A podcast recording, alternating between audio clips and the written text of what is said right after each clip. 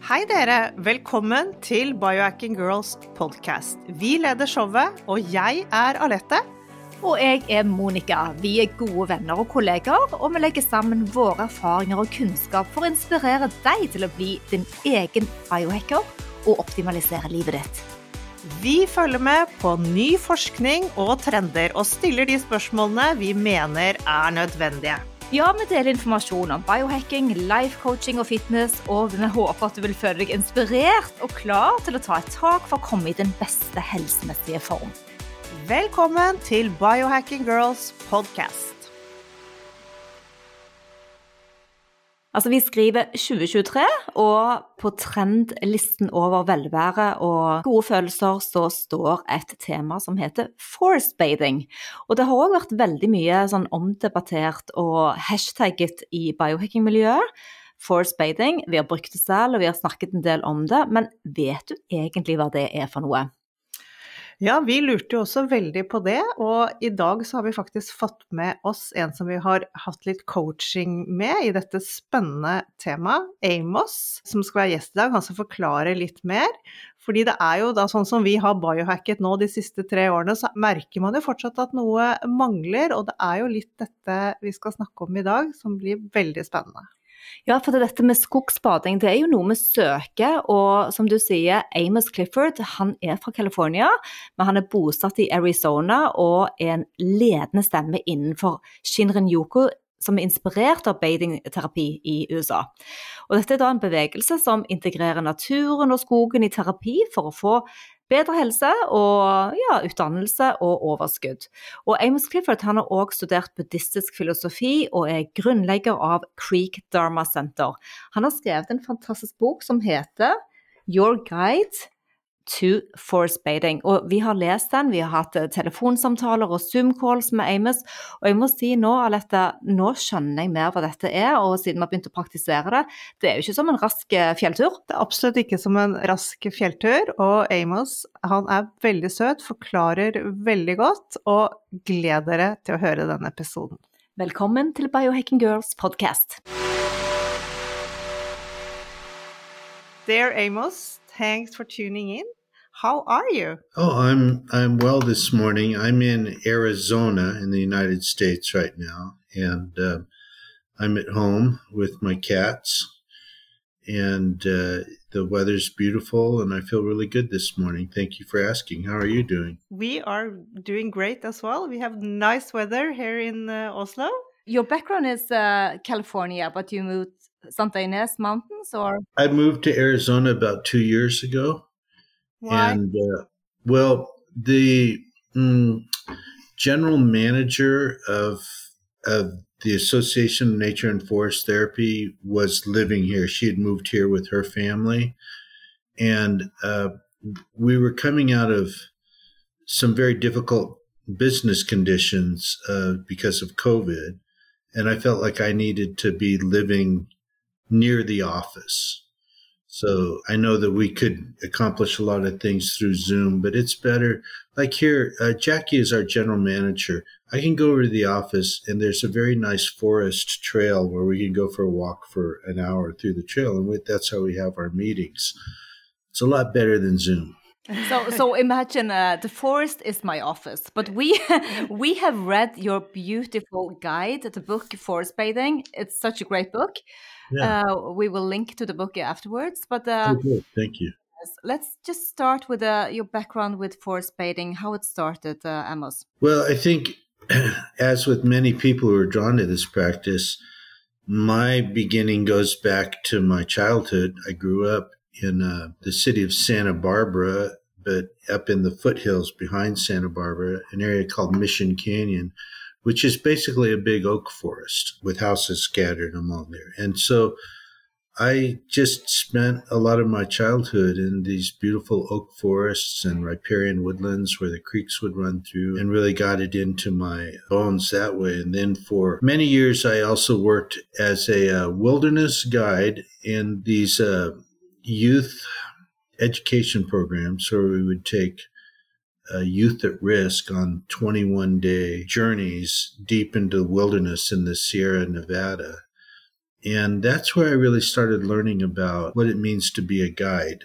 And a guide is a different thing than a therapist or a teacher, or, you know, and, and in the practice we do now, when we train people, we're training people in what we call the way of a guide. It's a very particular way of working with people. And, and we can circle back to that later in this conversation if you like. And when I was in my late 50s, I was holding the question what do I do in this uh, late part of my career that can really be of service to people and to the planet? And I really held this question for a couple of years and was exploring a lot of different ideas. And during that time, I continued to do quite a bit of work in wilderness and natural settings but it was more my personal work. It was like going out on vision fast ceremonies and things like that. And then, then I saw this article in Outside Magazine written by Florence Williams. You may be familiar with Florence. She wrote quite a wonderful book called The Nature Fix, and has most more recently written a book on heartbreak. But she wrote an article in Outside Magazine and it was featured on the cover of the magazine. It said, Take two hours of pine forest and call me in the morning. So I thought, well, that's interesting. And I read that, and it described this practice in Japan as shinrin-yoku. And some of the things that I really liked about that, as it was described, was that it was very accessible. People didn't have to be athletes and be able to hike for miles and miles, and they didn't have to go way off into wilderness areas. They could go to a place nearby. And I liked that. So, you know, for a while I considered, well, maybe I could guide these vision fast ceremonies. But if you take like a pie chart of all the people that will consider a a 12 day vision fast ceremony, there's, um, it's not even a hairline on that pie chart. Hardly anyone will do that. Now, the ones who do that, they'll, it'll be, have a big impact in their life and probably a ripple effect. But I wanted a bigger slice of the pie. So I was looking for something that would be more inviting to more people. So I started looking more into Shinrin-yoku, and I really couldn't find any clear descriptions of exactly what the practice was. But I had enough background, and it's just kind of the way I am, that I thought, well, I'll just make a practice that incorporates these principles of moving slowly and being in your senses and having tea in the forest with the group, things like that. So I spent about a year. At that time, I had quite a few mentees I was working with, and and me and my mentees and some of my colleagues would would go out into the forests and I just tried different things. And after probably after about a year, it became really clear that there was a particular sequence of events, which we now teach people as a standard sequence, that it reliably helped people in a three hour time period really connect with themselves and with the world around them in a way that was uh, meaningful to them. The meaning that each person found was unique to them. So I don't prescribe meaning. I don't tell people what they should get out of it, but instead my interest is in helping to structure an experience where most people will find something deeply meaningful. So the practice that we develop is uh, we now call it relational forest therapy. And I would say that the Shinrin-yoku practice in Japan is a major part of the lineage, but what we do is not the same as the Shinrin-yoku in Japan. So uh, there's a lot of overlap. I've been out on quite a few walks in Japan with the Japanese guides, and uh, every one of them approaches what they do a little differently, though there are some common themes, and there's some overlap in what they do and what we do, but there's also some significant differences. But what's the major differences in Japan's method and yours? Well, one of the things in Japan is um, they have really very beautiful purpose built trails that may go for a mile or more. And, um, and there's usually a building that you begin in, and they will take blood pressure and they'll take a little bit of saliva to do a salivary amylase analysis. They'll do that at the beginning. They have little portable machines to do that. And then at the end, you come back to the same machine that you did the pretest on and you do it again and they record. Well, I don't do that. To me, it's like if they've gathered, you know, a hundred thousand data points on that, that's enough. Would you uh, see any difference, like in the HRV, by measuring? I'm sure you have tried that. So... Some people do. I don't personally. Whenever I've done that, I have the opposite of the intended. So, according to the measurements, they might interpret that as I have more stress, but it's incorrect. I'm just really engaged and curious all the way through the walk. Like I'm kind of excited. So what they're measuring in me is engagement and excitement. Uh, and this is, I think, a, um, a pretty good illustration of where there are subtleties in even simple scientific designs that can perhaps compromise the capacity to interpret the results. Now, I think that what I just described is true for me, but you know, these places, they get thousands and thousands of people. And so over a large collection of data, the outliers like me kind of disappear. And there's a central tendency or an averaging that can be trusted. And so they've done a lot of that. Another difference I would say is that in Japan, um, the guides uh, typically will be having conversations with you as you're walking along the trail, and they'll be teaching about things. Like they'll stop under a conifer tree and they'll say, "No, there's this thing called phytoncides," and we don't do any of that. The guides don't talk. We don't do any naturalist education because we want to keep. Uh, as much as we can, we want to encourage people to keep their experience in their bodies, in their senses, in their hearts, and we don't want to move into the head space any more than we have to, you know, into cognitive processes. And that was that's by design. It seems to work pretty well for uh, most people. We've we've trained guides now in I think 65 countries, and and our way of practice seems to fit all of those culture, cultures just fine without much modification. Great. And one of the biggest wellness trends this year is forest bathing. And I have to admit, or both of us have to admit, that we didn't actually understand forest bathing before we read your book and we had Zoom calls with you.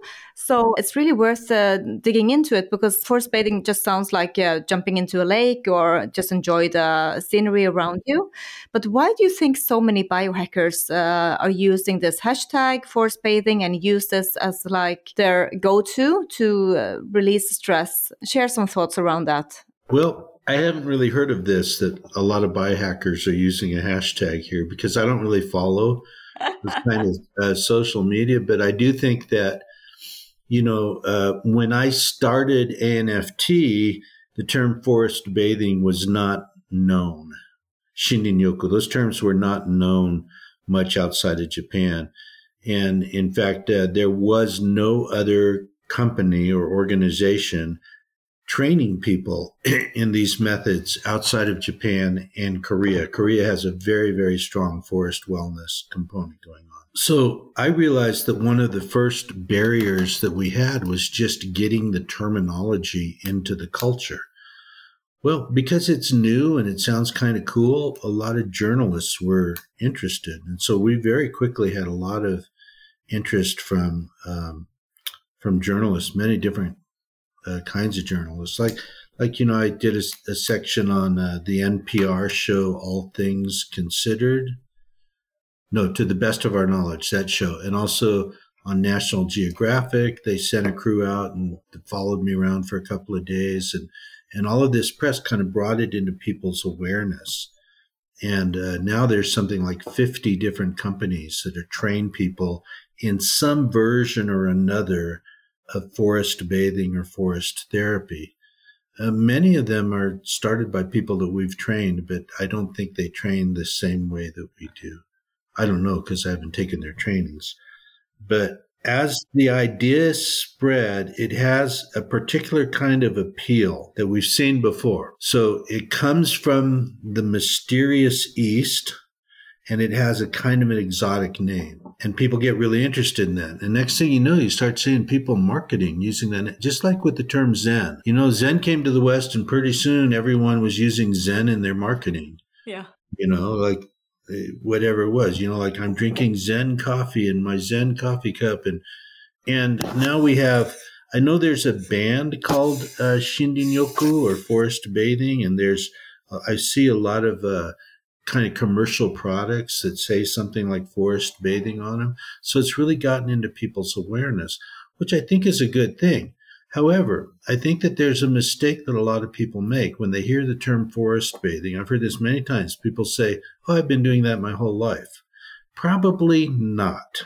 So, why don't you just uh, walk us through a session of forest bathing to understand and to help us and the listeners really dig into the philosophy of it?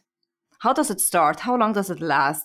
How do you do okay, it? well, I can speak for if I guide a walk. And I think that many of the people who we've trained, there's over 2,000 people we've trained now.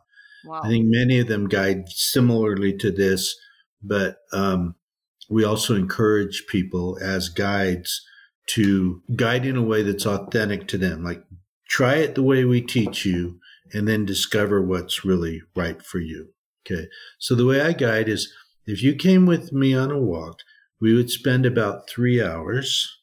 We wouldn't go more than maybe 300 meters in that much time.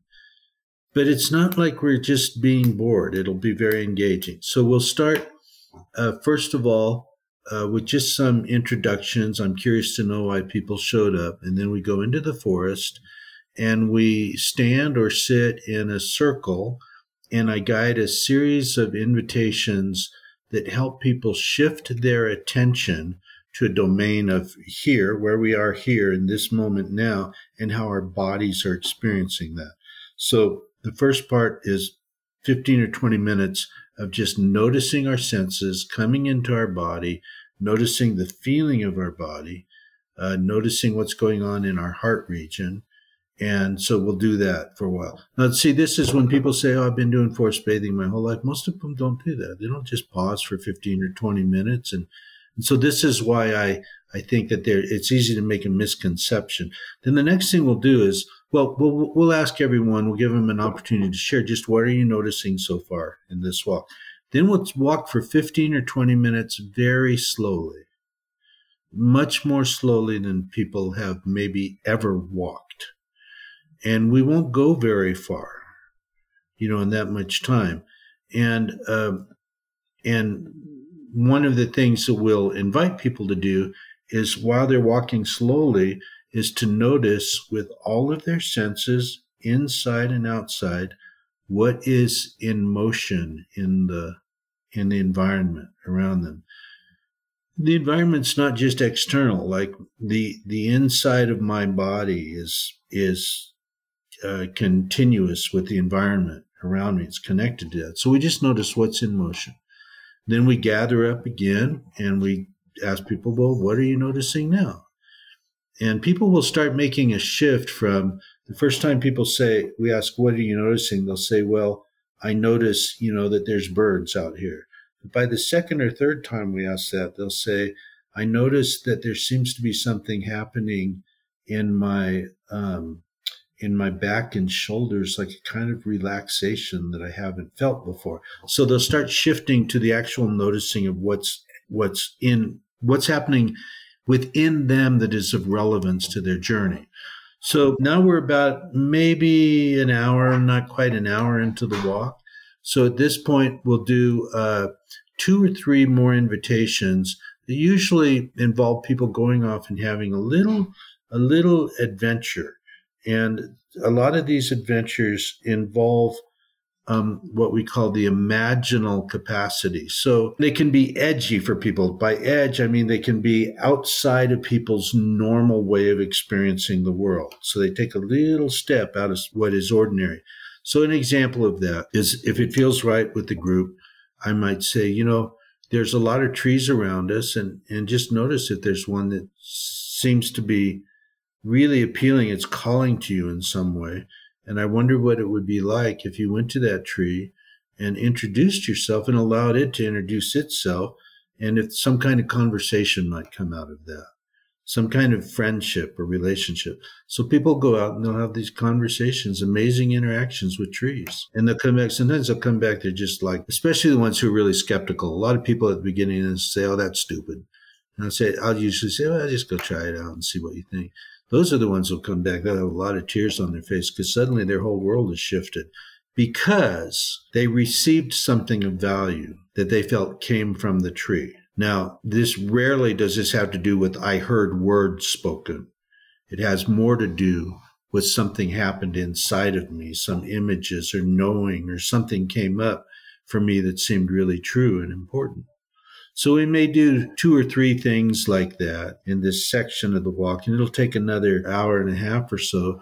Typically, we'll then go to what we call sit spot, which is we just say find a place that you like and sit there for 20 minutes.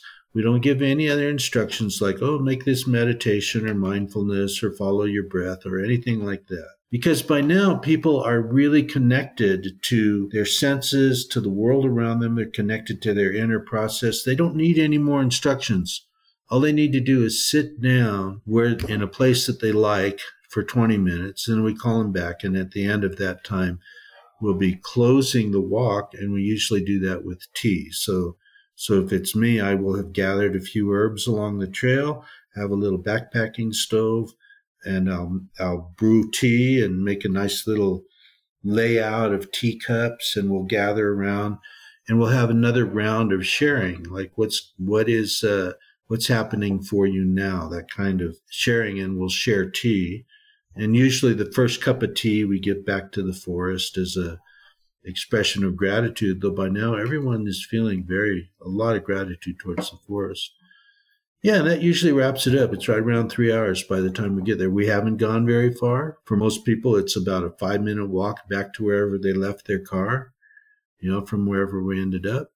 But it is a, a very, um, it's a qualitatively different way of connecting with nature than most people have experienced before. And I include in that people who have spent their whole lives in nature, people who've been, you know, uh, outdoorsmen or bird watchers or naturalists or something.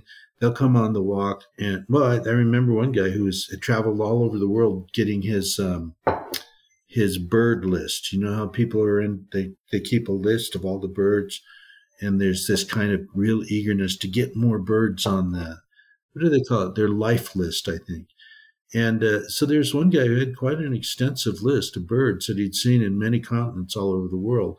And after one of these three hour walks, he said, You know, I don't think I'll ever experience birds in the same way again because he had learned to not just look at birds and check them off, but to notice with his senses to invite in the presence, how the birds were present for him emotionally and even spiritually. And so that's a big shift. And I hear those kinds of things pretty often when I'm guiding. And I don't tell, like, I would never take a bunch of birders out and say, we are going to transform how you experience birds. I wouldn't do that because I don't know. I don't know if that's going to happen or not. But it happens enough that I feel like a good percentage of people who go on a guided forest therapy walk have an experience that they find meaningful for their lives at the point in life where they are. And, and, so as a guide at that point, my job is to just listen and not judge and just, just accept what they come up with. And, and we call that the act of witnessing. Because if people get a chance to share that, and they're witnessed by the group or by other people, then that experience, that meaning gets into their bones better. If they don't get to share it, they'll wander off and maybe forget it in a few days. Well, I don't know. Maybe they will. Maybe I don't. They won't. There's a lot I don't know about what goes on with this practice. Yeah it, it feels nice just listening to you talk about it. And we are part of nature. We've been forever part of mm-hmm. nature. So I'm sure everyone will get something out of it because it's just the last couple of hundred years that we are just removed ourselves ourselves from nature. Yeah. yeah. So I'm so glad you're doing this and making us connect again. But so, so, but how how can this help us with the, our immune system? How does it help us? Well, this is where a lot of the research that the Japanese pioneered and a lot of other researchers have since replicated in different ways. And what they noticed is that if you measure stress indicators, things like salivary amylase or cortisol or heart rate variability, what seems to happen from these practices and from exposure to nature is that our nervous systems get a kind of reset where there's an internal coherence in how our nervous systems are operating. And that then supports a much healthier immune system and more effective immune response to challenges. And there's quite a lot published on this, I think. I touch on it a little bit in my book, but I don't recommend my book for those who are specifically interested in really diving into the science of it. So I like Miyazaki's book for that. I, actually don't think we need that much science to know that nature heals. It's intuitive, I think. I don't know. That, that was my feeling as an author, too. I keep wondering who are we trying to convince with all this research? And in my in my imagination, like there's this one person at the top of the pyramid of the global health insurance industry. we're trying to convince that one person so that health insurance and physicians will start incorporating these kinds of practices. But I, am not saying that that's actually the reality. That's just where my speculation goes when I'm wondering who are we trying to convince. But I have noticed that there's a certain percentage of people who show up for walks when I guide who come because they read something about the science. And it's almost like, well, the science said that this would be okay, so I'll try it out. And I hope that we can learn to listen to sources of knowing and of understanding that are maybe difficult to fit within the paradigm of scientific method. So, an example of that would be what is the intelligence that lives in my heart and how is that guiding me? And there are researchers that are looking into this, but I think it's not something that's in the mainstream of science at all. So we're a little bit out on the edges of that. And my and you know, I didn't put a lot in my book because I, I agree with you I personally don't need the science to be convinced. The fact that it's backed by the science might be the motivation to do forest bathing. For but some you, people, yes. Yeah, for some people. And then you start uh, joining a group or a guide and uh, you get convinced in other manners because you actually start listening to your body. Yeah. And we are really interested in the mental health process uh, in this uh, stressful world we are living in. So uh, to walk like uh, you say, not go there, but go here, like 300 meters and spend four hours. We are always measuring and in the sympathetic uh, state of mind to lose weight and train and build muscles. So uh, there's a term called rumination you write about it in your book. Could you explain to us what that is? It's pretty common. People who have ever been through a, a period of major depression probably know about this. Um, it's when your mind gets stuck in a loop or your emotions get stuck in a loop and you keep thinking uh, one thing or having one kind of experience over and over again. Usually it's pretty discouraging. You know, like it's a sort of, ain't it awful that these things are happening in my life? Or isn't it terrible what's going on in the world? Or something like that. And your mind gets stuck there over and over again. And so um, one of the findings uh, fairly early on in the research here was um, the investigators took people who had chronic long-term depression into the forest and they were measuring a lot of different variables you know like to try to figure out what changed. And one thing that really popped out in their measurements was that the tendency to ruminate was interrupted. So this rumination factor in depression was interrupted. And that's a really positive thing because um, what happens then is that we have more opportunity. If we get out of the little loops or prisons that we're in, we have more opportunity to experience ourselves in the world in different ways. And, and we may very well find the uh, doorway or passage into a more fulfilling way of life. there's this term about um, what is it called? I think it's called uh, the default functioning of the mind. And some therapies are designed specifically to interrupt that. Like some of the psychedelic therapies, ketamine therapy, for example, which is used for people who've had long term, very resistant to treatment depression and six clinically guided sessions of intravenous ketamine therapy will often have a major beneficial impact on that. And one of the theories of that is that the ketamine has interrupted the default state so that people can now move into other states. But I don't think we need to do psychedelics. In fact, I had um, I did a seven walk series once that uh, Ralph Metzner was in the group. Now, Ralph Metzner, if people are mm, schooled in the history of psychedelic therapy and exploration, they'll know this guy's name because he's like one of the top voices in that. He has since passed away, but you know, he's a very famous guy. And uh, so he was a part of the group. And eventually the other group members like put it together with, oh, this is that guy, this is that Ralph Metzner. So they started asking him, well, tell us about, you know, your experience with psychedelics. And his answer was, no, you don't need to know that. What we are doing here is everything you need to do. That was his impression. Yeah. yeah. Yes. Yes. Mm-hmm. Yeah. Yeah. So that was a great answer to rumination and also to uh, okay, science, what's backed by the science, and and to actually move into forest bathing and just noticing to see what happens to you. What kind of clients do you have? All walks of life, or do they come several times, one time? Yeah. yeah um, I can mostly speak from my own experience, which doesn't necessarily represent every guide's experience.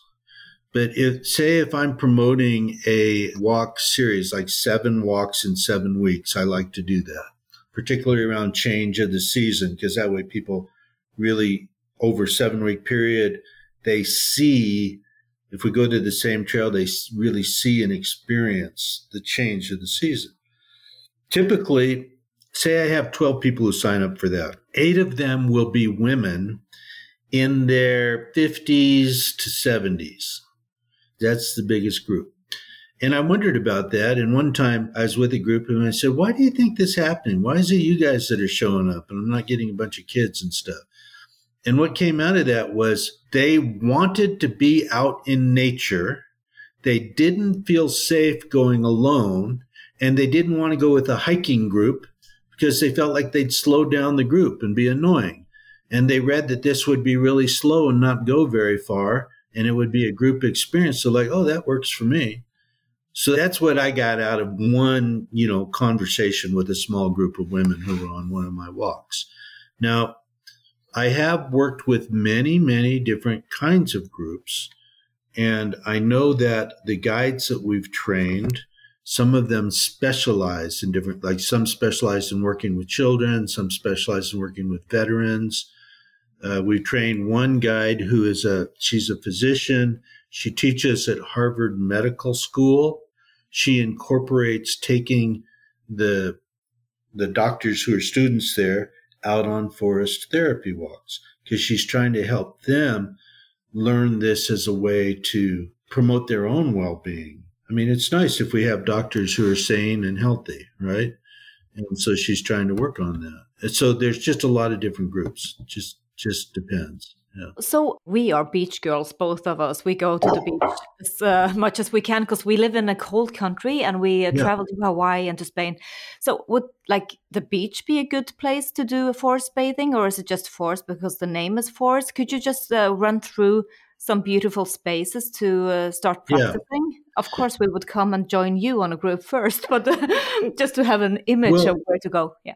No, I think I think the general practice anywhere that you're in a more or less natural setting will help. Though I've had really good success, uh, for example, um, in the middle of very busy cities, like in uh, Madison Square Park, right in the middle of New York City. Really? Had very good success there. Oh, wow! And one of our trainers who lives in New Zealand does her work on the coast, on the shore, the beaches and she lives in a place where there are often dolphins present in the waves. and she'll take people out into the waves to interact with the dolphins. And that seems good to me. Personally, I had an experience once in Hawaii where I went out on a boat to go snorkeling, you know, with a group. And the water was really deep. And when I got off the boat, I was afraid. I just felt scared, like I wanted to get right back on the boat. And then the thought occurred to me, why don't I just do the standard sequence here? So I did. I just started floating and I started noticing with my senses the what was happening in the environment around me and I started noticing in my heart. I really relaxed and I was the last one back on the boat because I basically did the whole forest bathing experience while snorkeling. And among, you know, it's a beautiful forest underwater with a lot of really interesting wildlife and a lot of really uh, potent sensory experiences. And so uh, my feeling is that this is a practice that can be done anywhere. I think elements of the practice, like one of the elements, the sit spot element. I sit on out, out on my front deck here of my house when the weather permits us. I'll just sit out there with my morning coffee and just sit. And I get to know the birds really well doing that. They get to know me. It's one of the things, if you do sit spot in the same place, the local wildlife get to know you and they just start accepting you. And then they start acting instead of hiding all the time, they start acting like normal birds or deer or whatever. We have quite a bit of wildlife here. We have in our yard, we see deer and javelinas and bobcats and coyotes. We know that lions come through, but I haven't seen them yet. And uh, so we have a lot of wildlife here. And so just being right here at home, I don't, I don't even have to go anywhere. And so it's just the practices, the principles. Like if you learned to um, do yoga in a yoga studio somewhere, you know you don't have to go to that yoga studio to do yoga. You can do that anywhere. You can do that on a mountaintop or in your living room or whatever, you know. So you do this every day? No. No. So how often do we do this? Or how often is recommended? Well, if I'm doing a sit spot in, when the weather's good, it's just turned good enough now to do this again. We've had a lot of snow this winter. And I, because I've gotten older, my body doesn't regulate temperature as well as it used to. So when there's good weather, I, I just go out and uh, sit out there. Unless I have a meeting with podcasters, then I stay in here. That you can, you know, I know we're just recording uh, audio, but you can see behind me. There's a window here. Yes, yes. And uh, there's a uh, like a window bench seat right there. Yes, yes. Me and my cat spend a lot of time right there because outside of that window is a ton of birds going on all the time. We put So bird seed out there every day, and that's and for me that's a part of my practice. Oh yeah, put bird seed out and get to know the birds, and the deer come and steal the bird seed too, and a lot of squirrels. And so that's a part of just maintaining some kind of sense of relationship or connection with what's going on. And how about the trees? We, sometimes uh, joke about you can speak to the trees and have conversation with trees, but actually, when I read your book, it feels very close to every living thing in the forest.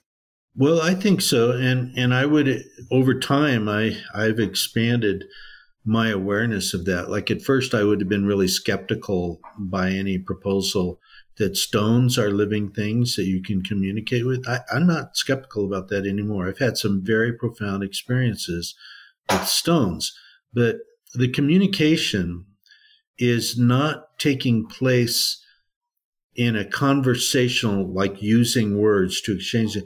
It involves uh, what we what we call the imaginal capacity. And so the imaginal capacity is it's not the same as imaginary. It's related to imagination, but it's a different thing.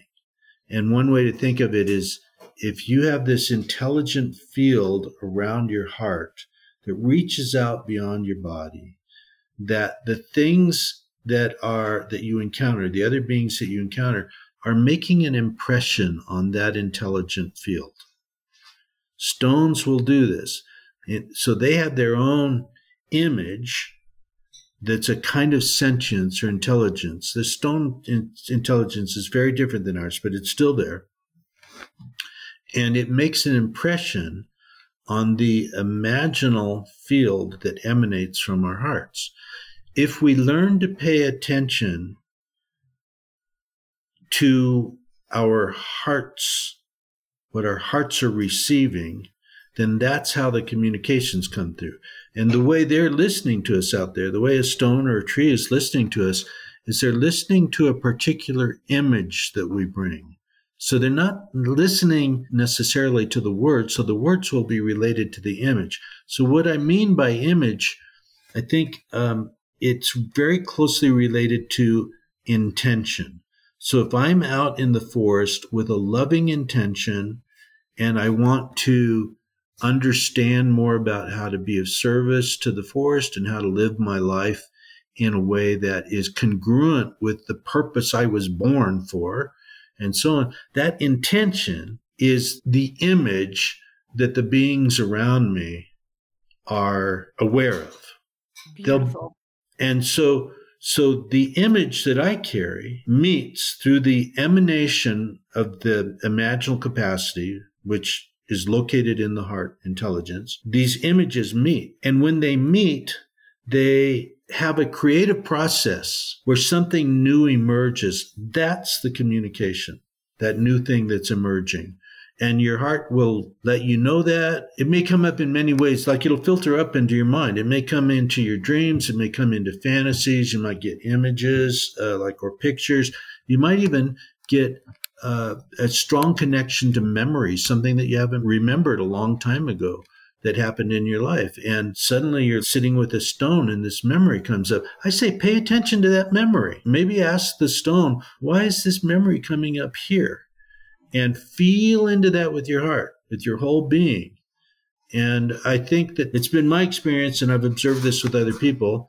There's a pretty good chance that something meaningfully significant to you, to your life, and where you are in your life now, there's a pretty good chance that that will emerge. Wow. Thank you, Amos. This has been a really meaningful conversation for Monica and me, and the listeners is going to enjoy this. So they need to know how to find you. Well, the website for ANFT is A, like association, N, nature, F, forest, T, therapy, ANFT dot earth. Wow. So it's great. not a dot com or it's a dot earth. Earth, okay? Earth, of course. Yeah. So go Yeah. there yeah. and uh, you can learn a lot about what opportunities are available. And the things that I've been sharing with you, particularly around imaginal capacity and communication, I don't think we teach that very consistently. And so for people to learn more about that, I would encourage them to come to one of the uh, workshops or retreats that I lead. And I don't think we have any listed on the website right now, but I will be at, a, at two events we have coming up in the UK in, uh, I think, the first week of June. We have a guide training immersion, and that's a part of the training that people get. They come to a four day immersion. We'll have two trainers there, one from the UK and one from uh, Portugal, who will be really working with that group. And we do a lot of question and answer. And I'll be there as sort of a guest. And then after that, we'll have a gathering of guides if people are interested in this practice, and both at a very beautiful place in uh, Yorkshire in the UK. So that's that's a, a place to start. Yeah. Wonderful, and we'll uh, we'll put that in our show notes, your webpage, and also where they can find your book. we Thank have you. enjoyed the book very much, so I hope the listeners would uh, grab a copy as soon as possible. And uh, thank Yeah. you so much for tuning in and sharing your knowledge with us. We really, truly appreciate it. Yes, thank you Yeah. so much. Well, it's really an honor to have the opportunity to share these ideas and to help disseminate them more in the world. And I really appreciate you, and I'm very grateful to both of you for the work you're doing here. Thank, Thank you, you. Amos. Have a great rest of the day. You too. Så heldige vi er, Monica, som har så mye spennende gjester på podcasten. Vi lærer altså så mye. Altså, jeg føler at jeg har vært på en sånn forest bathing etter denne samtalen med Amos, og jeg lurer nå litt på hva i naturen er du mest keen på å snakke med når vi skal ut neste gang? det, det var litt Du spør egentlig om vi skal snakke med en stein eller et tre? Ja. Jeg velger tre. Du velger tre. Jeg velger nok tre òg. Og jeg tror jo at eh, alt levende liv kommuniserer enten via røtter eller ja, via liv med hverandre. Så, så og vi er jo opptatt av earthing eh, av dette. og det, Vi liker å gå på jorden og på stranden, og jeg liker å ta på trær. Jeg liker òg å plukke steiner. Jeg har egentlig aldri følt noe med steiner annet enn at det er estetisk. Det var det jeg syntes var så rart, for jeg har et bilde av deg av når du er på stranden, jeg ser den ryggen min for deg, når du bøyer deg ned og bare titter på de tingene som er nede i den sanden, og det er jo mye stener, så jeg ble litt overraska at du også valgte treet. Men det kan jo hende at det òg er en form for force bathing.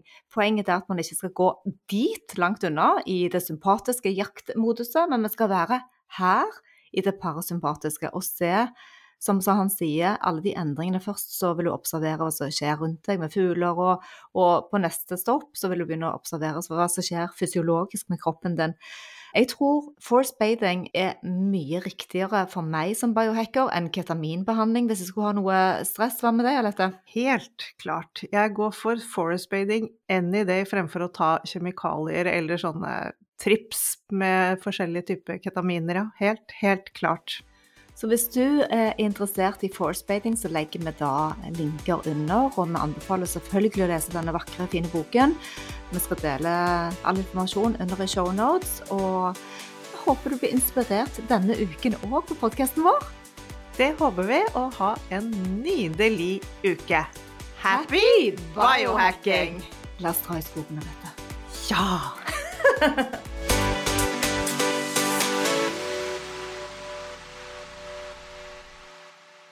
Vi minner om at dere må snakke med egen lege eller kostholdsveileder om dietter og andre spørsmål relatert til medisiner og supplementer. Informasjon vi deler, kan ikke bli brukt til å diagnostisere, behandle, forebygge eller kurere noen sykdommer eller tilstander.